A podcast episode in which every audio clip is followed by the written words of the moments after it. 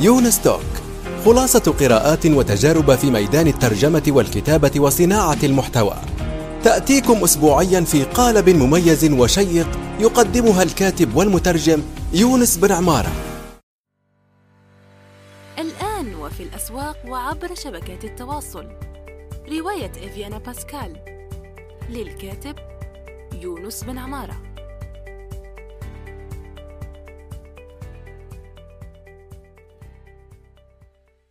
إن خير من استكتبت قلم قوي وفكر رصين. استكتب. منصة صناعة المحتوى النصي في العالم العربي. السلام عليكم ورحمة الله وبركاته. في حلقة جديدة من يونستوك سوف نجيب فيها هذه المرة عن سؤال جديد وصلني عبر يونستوك الصفحة الرسمية على الفيسبوك. أولا صباح الخير مساء الخير حسب الوقت الذي تستمعون فيه إلى هذه الحلقة. ونذهب مباشرة إلى نص السؤال الذي يقول سلام كيف الحال؟ الحمد لله أنا بخير. أرجو أن تكونوا أنتم أيضا بأفضل حال وأنا عن بال. أه ويواصل الأستاذ أيمن وهو من يعني من بلدتي من وادي سوف وهو طالب ثانوية. أعتقد أنه نجح البكالوريا هذا العام. نتمنى له التوفيق في المسار الجامعي. وبارك الله فيه. عن طرحه هذا السؤال أرحب بالأسئلة وأدعوكم إلى الاستماع إلى الحلقات السابقة التي آه، سجلتها من يونستوك يواصل السائل أستاذ أيمن قوله في السؤال بكيف أكون نفسي حتى أكون مترجما قويا؟ وفي مستوى هائل. يعني مترجم محترف آه، تعبير عجبني على كل حال. مترجم قوي في مستوى هائل يعني تعبير جيد. هو يقصد يعني مترجم محترف وفي مستوى عالي ورفيع. ويواصل قوله ولماذا يفضل القراءة الكلاسيكية عن القراءة الإلكترونية؟ يقصد بالقراءة الكلاسيكية القراءة الورقية يعني من الوسائط الورقية العادية الكتب العادية المطبوعات يعني شيء مطبوع في ورق. ويقول وما هي الكتب التي تساعد المترجمين؟ وبالنسبة للقراءة لنفس الكتاب بلغتين مختلفتين أيهما أولى باللغة الأم أو القراءة باللغة الأجنبية للكتاب أولا؟ بارك الله فيك شيخ يونس. يعني أنا شاب بس آه، كثير من الناس يعتبروا عمري مرتفع. فمشكل هو أصلا يعني يعرفني شخصيا و آه، من باب الاحترام. بارك الله فيه. ويواصل يقول حقا علمك ينفعني علني في أمس الحاجة إليه ككوني أهوى اللغات. بارك الله فيك على هذا السؤال أستاذ أيمن. والسؤال كما ترون هو واضح وفي عدة أجزاء كعادة الأسئلة التي تصلني. إذا سوف نحاول الإجابة عن بالمقطع بالمقطع. والمقطع الأول يقول كيف أكون نفسي حتى أكون أو أصبح مترجما قويا وفي مستوى هائل أو رفيع. فالجواب عن هذا هو باختصار شديد يعني إن اختصرنا الأشياء واختزلناها في كلمة واحدة بعبارة واحدة هي الممارسة اليومية. فالجواب عن هذا السؤال هو الممارسة اليومية. كيف نمارس؟ نبدأ الآن في التفصيل وهذا هو المهم. كيف نمارس؟ أنا نصيحتي الشخصية يعني في البدايات أنك تمارس يعني تترجم الاقتباسات والأشياء آه، اللي لا تتجاوز آه، سطر أو سطرين لكن بشكل يومي. بالتوازي مع هذا تقوي ذخيرتك اللغوية في اللغة الأم من خلال المطالعة وفي اللغة الهدف يعني اللغة التي تريد وتريد آه، أن تترجم منها أو إليها فتتدرب عليها. كيف؟ من خلال القراءة بتلك اللغة تقرأ المواقع والمصادر التي موجودة بتلك اللغة وتنزل تطبيقات التي تعلم تلك اللغة مثل الدولينجو. يعني مثلا أنت بتدرس الإنجليزية في الدولينجو لازم تكمل الشجرة. شجرة تطبيق دولينجو كاملة. يعني ليس في يوم أو يومين لأن هذا مستحيل. يعني بتحطها داخل يعني برنامجك اليومي داخل روتينك اليومي. فهذا الإجابة عن المقطع الأول من السؤال.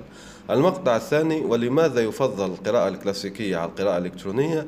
سبب علمي وجيه. وراح أضع رابط الدراسة التي تحيل إلى هذا هو أنهم كما قلت في حلقة سابقة من البودكاست جاوبت عنه هذا السؤال وأعيده لا مشكلة للإفادة وهو السبب القراءة الورقية أفضل من الإلكترونية في بعض النواحي هي من ناحية الاستيعاب لأنهم عملوا دراسة وجابوا طلبة وأعطوهم كتب ورقية وآخرين أعطوهم إلكترونية ثم قاسوا درجة الاستيعاب وأعطوهم اختبارات وطلعت النتيجة أنه اللي يقرأ ورقي استيعابه أكثر من اللي يقرأ إلكتروني. فلهذا ننصح الشباب وننصح الشابات أيضا ولما لا يعني لكي تكون لغتنا متوازنة يعني فلا ننسى آه، العنصر الأنثوي الذي يتابعنا.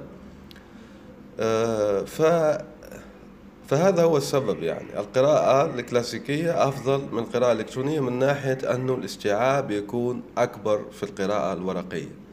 المقطع التالي هو يقول وما هي الكتب التي تساعد المترجمين؟ بخصوص هذا هناك إشكالية تكلمت عنها سابقا وتتحدث عن الكتب تنظير في الترجمة وأني قلت ضررها أكبر من نفعها وهي بحر كبير جدا حتى باللغة العربية فهناك آلاف من الدراسات التي تدعي أنها تساعد المترجمين وهنا أنصح بفكرة مهمة وهي أنه تلتزم بكتاب واحد أو تلتزم بخط سير واحد فقط. يعني مثلا أنا سوف أنصحك هنا بكتب الدكتور محمد عناني ولديه عدة كتب لكن أنصحك بكتابين فقط يعني بتمشي فيهما خلص يعطوك الأساسيات وهي فن الترجمة لمحمد عناني ومرشد المترجم فقط. وهذا يكفي كبداية ولكي لا تختلط عليك المصادر ولكي لا تتشتت يعني وتضيع المعارف. فهذا ما أنصح به كبداية. ويواصل الأستاذ أيمن ويقول وبالنسبة للقراءة لنفس الكتاب بلغتين مختلفتين يعني أنت عندك كتاب مترجم آه، أو متوفر بلغتين مختلفتين أيهما الأولى؟ يسأل الأستاذ أيمن. هل نقرأه أولا باللغة الأم أو نقرأه باللغة الأجنبية؟ هذا موضوع يعني مهم هو سؤال ذكي على كل حال لكن هي في الأصل أنك في هذه الحالة يعني أنك تريد تريد يعني الاحتراف في الترجمة ودخول مجال الترجمة هو أنك تقرأ بالتوازي. يعني كيف تقرأ بالتوازي؟ أنك أصلا تشتري الكتاب في صفحة بالإنجليزية مثلا وصفحة بالعربية وما في مشكلة سواء بدأت بالعربية أو الإنجليزية لكن هي تكون في بشكل متزامن يعني. فأنت بتشوف هذه الجملة وتشوف هذه الكلمة وتشوف هذه الجملة.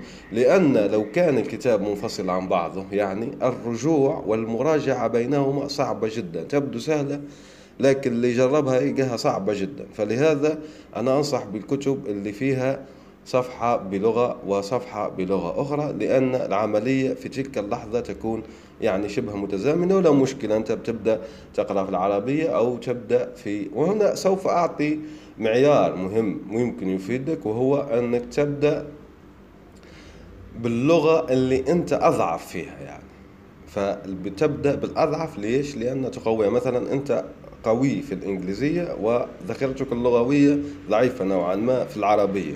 مع أنها لغتك الأم لكن هي ضعيفة من ناحية المفردات ليست عندك يعني كثير من المفردات. فهنا تبدأ تقرأ بالإنجليزية ثم تنتقل إلى الصفحة باللغة العربية. فهنا معيار يمكنك يعني تجربته وهو أنك تبدأ في الكتاب اللي يحوي صفحة بلغة وصفحة بلغة أخرى في نفس الوقت تبدأ باللغة اللي أنت تحس نفسك ضعيف فيها وذلك لتقويتها.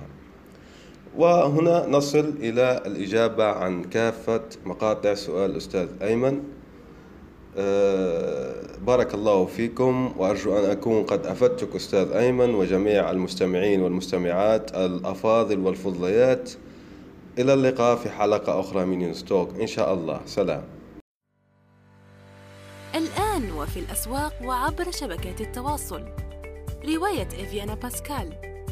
للكاتب يونس بن عمارة.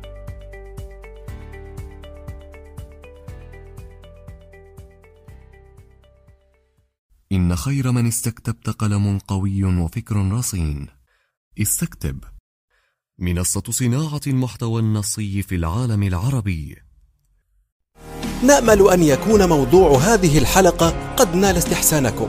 انتظرونا في الأسبوع القادم ولا تنسوا مشاركة الحلقات والاشتراك بالبودكاست. علما أنه بإمكانكم مراسلتنا باقتراحاتكم للتحدث عن أي موضوع يتعلق بالكتابة والترجمة وصناعة المحتوى.